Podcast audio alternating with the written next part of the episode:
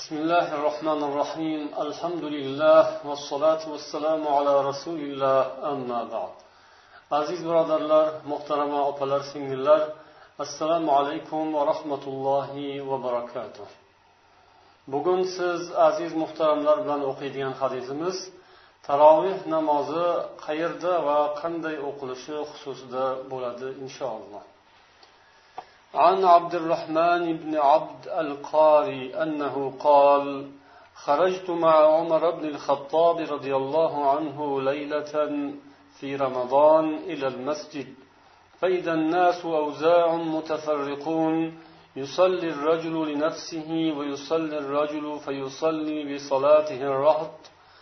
فقال عمر إني أرى لو جمعت هؤلاء على قارئ واحد لكان أمثل. ثم عزم فجمعهم على أبي بن كعب ثم خرجت معه ليلة أخرى والناس يصلون بصلاة قارئهم. قال عمر نعم البدعة هذه والتي ينامون عنها أفضل من التي يقومون. يريد آخر الليل وكان الناس يقومون أوله. abdurahmon bin abd al qoriydan rivoyat. U kishi aytdi. Men ramazon kechalaridan birida umar ibn hattob roziyallohu anhu bilan masjidga chiqdim. Qarasak odamlar har yerda tarqoq holda namoz o'qishyapti. Bir kishi yakka o'zi namoz o'qiyapti yana bir kishi bir guruhga imom bo'lib namoz o'qiyapti. Buni ko'rib umar dedilar agar bu odamlarning hammasini bitta qoriga jamlab qo'ysam yaxshi bo'lar edi. Keyin shu ishga kirishdilar va odamlarni ubay ibn kabga bog'lab qo'ydilar. Keyin men umar bilan boshqa bir kechada yana masjidga chiqdim. Odamlar o'zlarining tayinlangan qorilari bilan namoz o'qiyaptilar. Umar dedilar bu qanday ham yaxshi bidat bo'ldi. Uxlab qolib o'qimaydigan namozlari o'qiydiganlardan afzaldir. Bu so'z bilan tunning oxirini nazarda tutar edilar. Odamlar namozni tunning avvalida o'qir edilar. Buxoriy rivoyatlari. Mana bu hadis ramazon kechalarida masjidlarda hamma jamoat bo'lib birgalashib taroveh namozi o'qishi qanday qachon joriy bo'la boshlaganligi haqida xabar beradi.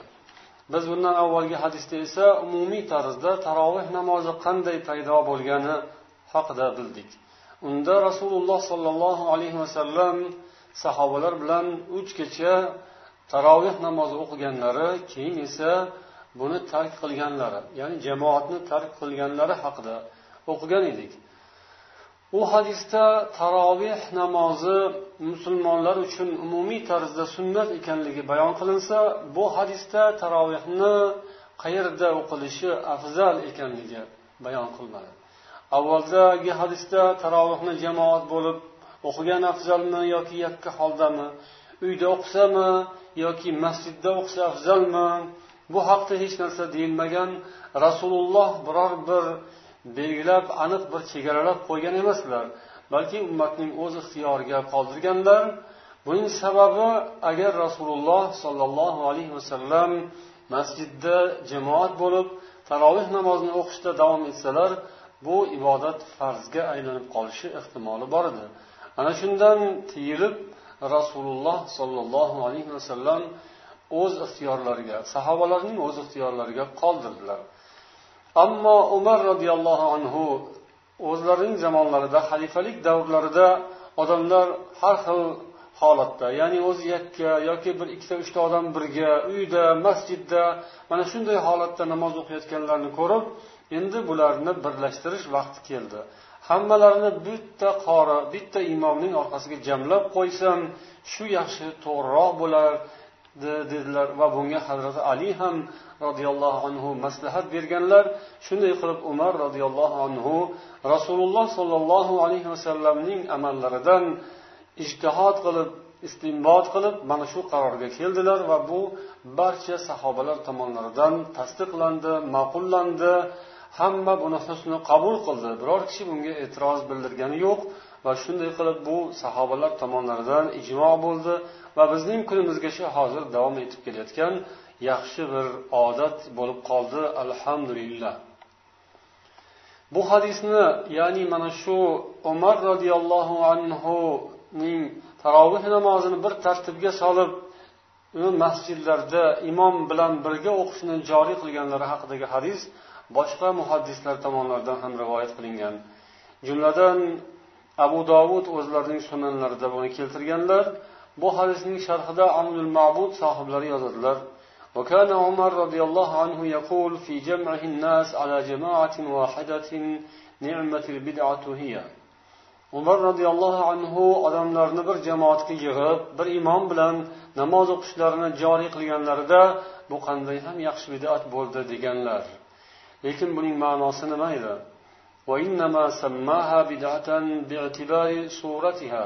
Buni faqat jamoatning surati mana shu taroveh namozining surati e'tibori bilan bidat deb aytdilar. Lekin bu chin ma'nodagi bidat emas edi. Mana shu hadisdan ba'zi ulamolar bidatni yaxshi va yomonga ajratishga asos qilib olganlar. Lekin ulamolar aytishadiki bu yerda u bidat nazarda tutilayotgani yo'q. Faqat bu zohiri ko'rinishi go'yoki shunga o'xshadi. Rasululloh sollallohu alayhi vasallam zamonlarida qilinmagan ish edi. Shu jihatidan olib surati e'tibori bilan buni bidat dedilar. Lekin aslida bu sunnat edi. Aslida bu bor edi bo'lgan edi.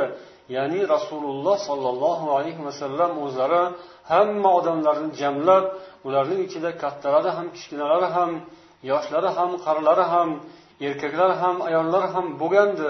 Hammani bir qilib o'zlari jamoat bo'lib namoz o'qib berganlari bu mana shu ishning sunnat ekaniga ya'ni masjidda jamoat bo'lib imom bilan o'qilishi sunnat ekaniga asosdir. Buni hazrati umar roziyallohu anhu yana qaytadan tikladilar ya'ni shuni joriy qildilar. Rasululloh esa uni belgilab qat'iy qilib qo'ymagandilar toki u farzga aylanib qolmasin deb. Lekin ummatga ishora qilib shu narsani o'zlari ko'rsatib ketgan edilar. Umar roziyallohu anhu ana o'shani ilg'ab undan ijtihod qilib buni bir tartibga keltirdilar. Ibn tin va yana boshqalar aytadilar umar zalika min taqririn nabiy sollallohu alayhi vasallam man salla fi tilka layali o'sha kechalarda rasululloh sollallohu alayhi vasallam o'zlari bilan birga qo'shilib jamoat bo'lib taroveh namozini o'qigan odamlarning ishiga rasululloh sukut bilan ya'ni munosabat bildirdilar ya'ni taqrirlari bo'ldi va buni tasdiqladilar. Bu ham sunnatning bir bo'lagi bo'ldi. O'shanda rasululloh sollallohu alayhi vasallam odamlar bilan birgalikda namoz o'qishlari bu shu ishning sunnat ekaniga dalolat qilgan edi. O'sha paytda hazrati umar roziyallohu anhu erkaklarga ubay ibn kabni imom qilib tayinladilar.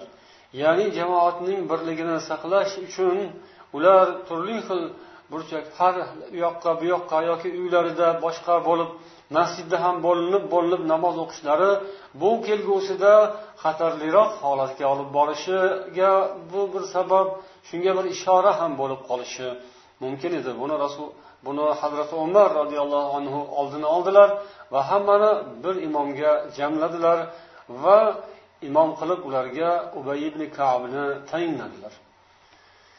Bu borada yana shuni eslab o'tish mumkinki imom bayhaqiy rivoyat qilgan bir hadisda rasululloh sollallohu alayhi vasallam bir kuni ramazon kechalarida masjidga chiqdilar.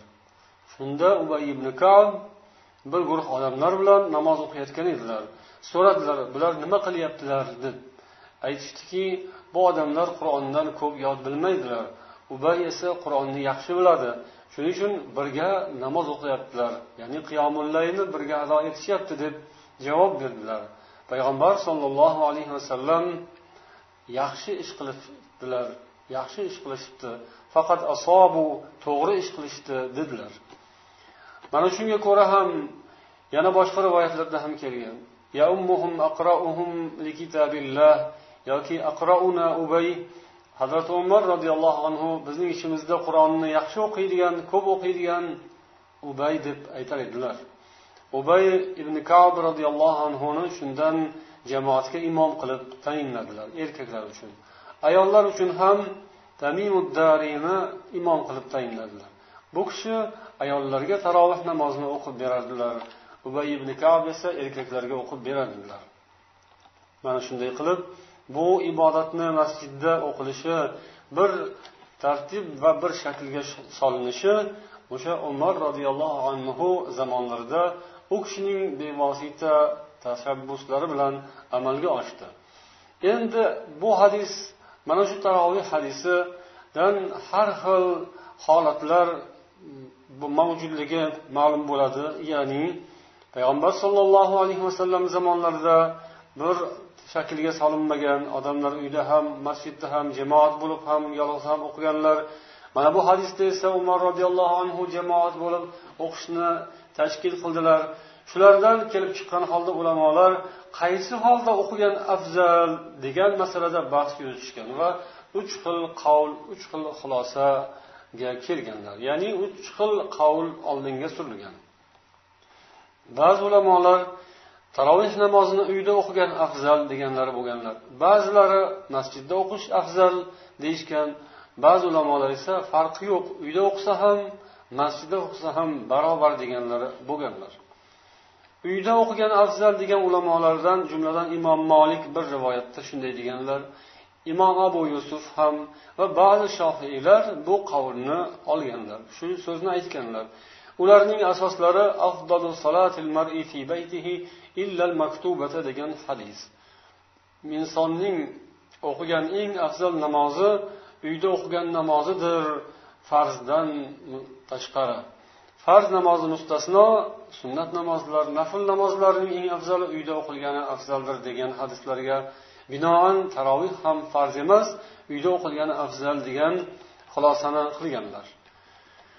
Farqi yo'q deguvchilar esa ular imom shofiyning ashoblaridan bir guruh ulamolar. Ular aytadilarki agar inson qur'oni karimni yoddan biladigan bo'lsa va u masjidga kelmasa masjidning jamoatiga ta'siri bo'lmasa odamlar kamayib ketishiga sabab bo'lmasa u odam uyda o'qisa ham yoki jamoatda o'qisa ham farqi yo'q deganlar. Masjidda o'qish afzal deganlar esa ularning hujjatlari quyidagicha. Avvalo imom tahoviy rahimaulloh mana shu ya'ni rasululloh sollallohu alayhi vasallam va hazrat umarning qilgan ishlaridan xulosa qilib namozni taroveh namozini masjidda jamoat bo'lib o'qish farzi kifoya deb aytganlar. Ya'ni bu narsa albatta masjidda amalga oshirilishi lozim deganlar. Imom shofiiy tarafdorlari esa yuqoridagi qavlni davom ettirib ya'ni avvalda o'tgan uyda ham masjidda ham o'qisa farqi yo'q degan qavlni davom ettirib aytishadiki agar inson qur'oni karimni o'zi o'qish yod olgan bo'lsa va uyda o'qiganda o'zi yalqovligi tutmasa barobar uyda ham masjidda ham o'qishi barobar bo'ladigan bo'lsayu ammo masjidga bormay uyda o'qigan paytda masjidning jamoatiga ta'sir ko'rsatadigan bo'lsa odamlar buni ko'rib bundan o'rganib uyda o'qishni odat qilishga o'tsalar bunda demak u odam masjidda o'qishi afzal deyishgan. Alboniy rahimaulloh o'zlarining salotu taravih kitoblarida abu dar roziyallohu anhudan bir hadisni keltirganlar rivoyat qilib shunda abu dar roziyallohu anhu aytadilar rasululloh sollallohu alayhi vasallam ramazondan yetti kun qolganda masjidga chiqdilar biz bilan birga namoz o'qidilar. Ya'ni shu taroveh namozi. Va kun tunning uchdan birigacha o'qidilar. Birga o'qidik. Keyin ertasiga chiqmadilar. Keyin ramazondan besh kun qolganda chiqib biz bilan birga to tun yarim bo'lguncha namoz o'qidilar. Shunda men yo rasululloh tunning hammasida biz bilan birga namoz o'qib bersangiz tunning hammasida to'liq nafl o'qisak dedim deydilar. Shunda payg'ambar sollallohu alayhi vasallam aytdilar innahu man qama ma'al imami hatta yansayfa kimki imom bilan birga qiyomda tursa to imom namozni tugatib qaytguncha u bilan birga bo'lsa tunning hammasida namoz o'qiganning savobini oladi dedilar rasululloh sollallohu alayhi vasallam ya'ni bu deganlari mana siz biz bilan namoz o'qidingiz imom turguncha turdingiz. Endi imom qaytsa siz ham qaytishingiz mumkin. Siz tunning oxirigacha turishingiz shart emas. Siz tunning oxirigacha namoz o'qiganning savobini oldingiz dedilar.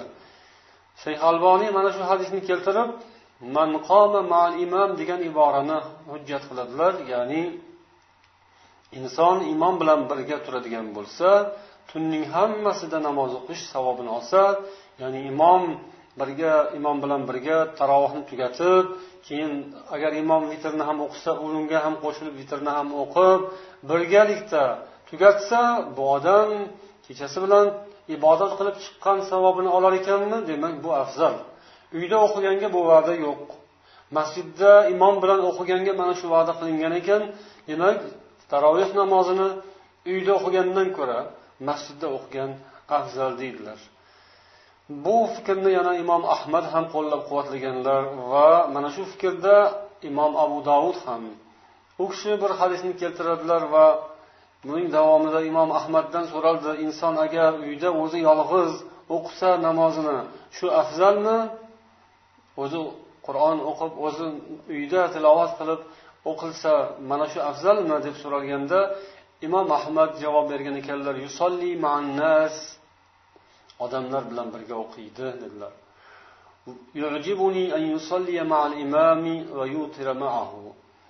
Menga imom bilan birga o'qib imom bilan vitrni ham o'qigani ma'qul. Shu yoqadi shu menga mahbubroq dedilar.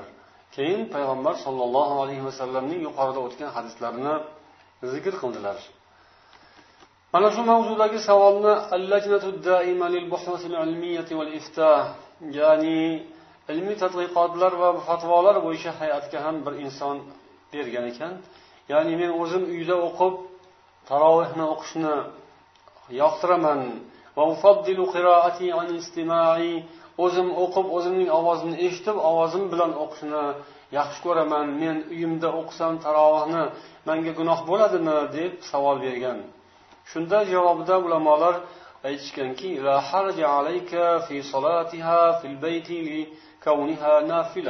bu ibodat nafl ibodat bo'lgani uchun uni sen uyingda o'qishingda zarar yo'q ya'ni gunoh bo'lmaydi لكن صلاتها مع الإمام في المسجد أفضل تأسيا بالنبي صلى الله عليه وسلم وأصحابه رضي الله عنهم lekin bu namozni rasululloh sollallohu alayhi vasallamga ergashgan u kishining sunnatiga amal qilganing holda va sahobalar qilgan ishga ergashganing holda masjidda o'qish afzaldir deb fatvo berdilar. Va bu fatvo sohiblari ham rasululloh sollallohu alayhi vasallamning o'sha imom bilan birga o'qisa imom qaytmaguncha namozni tugatmaguncha masjidda turib imom bilan birga namoz o'qigan odam tunning hammasida qiyomda turgan savobini oladi degan hadisni keltirdilar hujjat qilib. Buni sunan sohiblari va imom ahmad hasan sanat bilan rivoyat qilganlar. Al mabsud kitobida keladi. Ya'ni mana shu namoz tarovuhni jamoat bilan o'qigan afzalmi yoki uyda degan masalada hadisni yuqoridagi hadisni bular ham hujjat qilib keltirishgandan so'ng yozadilar. jamoat solih insonlarning va xulafoi roshidinlarning sunnatlaridandir نور الله قبر عمر رضي الله تعالى عنه كما نور مساجدنا bizning ulamolarimiz mana shunday deb duo qilardilar ya'ni alloh taolo umarning qabrlarini nurli qilsin u kishi bizning masjidlarimizni nurli qilib ketdilar Badayu sanoiy kitobida yozadilar. Tarovihning sunnatlaridandir. Ya'ni tarovih o'zi sunnat bo'lsada uning ham sunnatlari bor. Ya'ni har namozning farzlari va sunnatlari bor. Tarovihning sunnatlaridan shuki jamoat va masjid. Tarovih jamoat bilan o'qilishi kerak va masjidda o'qilishi kerak. Bu tarovihning sunnati. Chunki deydilar mana shu sohibi kasoniy payg'ambarimiz sollallohu alayhi vasallam jamoat bilan masjidda o'qidilar va shuningdek sahobalar roziyallohu anhu ham masjidda o'qidilar jamoat bo'lib taroveh namozini ولو ترك أهل المسجد كلهم إقامتها في المسجد agar masjid ahli buni jamoat bo'lib masjidda o'qishni tark qiladigan bo'lsalar ularning barchalari gunohkor bo'ladilar tabyinul haqoiq sharh kanzi daqoiq kitobida yozadilar والأفضل في السنن أداؤها في المنزل إلا التراويح sunnat namozlarini uyda o'qish afzaldir illo taroveh bundan mustasno yana shu kitobda yozadilar chunki bu tarovehda tarovehni jamoat bo'lib masjidda o'qilishda sahobalarning ijmolari sobit bo'lgan Shunday qilib bu aytilganlardan xulosa bo'ladiki taroveh namozini masjidda jamoat bilan birga imom bilan birga o'qimoq afzal ekan. Alloh taolo barchamizga bu oyni ramazon va tarovehlarni chiroyli suratda o'zining shartlari bilan odoblari bilan ado etishimizni muvaffaq aylasin assalomu alaykum va rahmatullohi va barakatuh.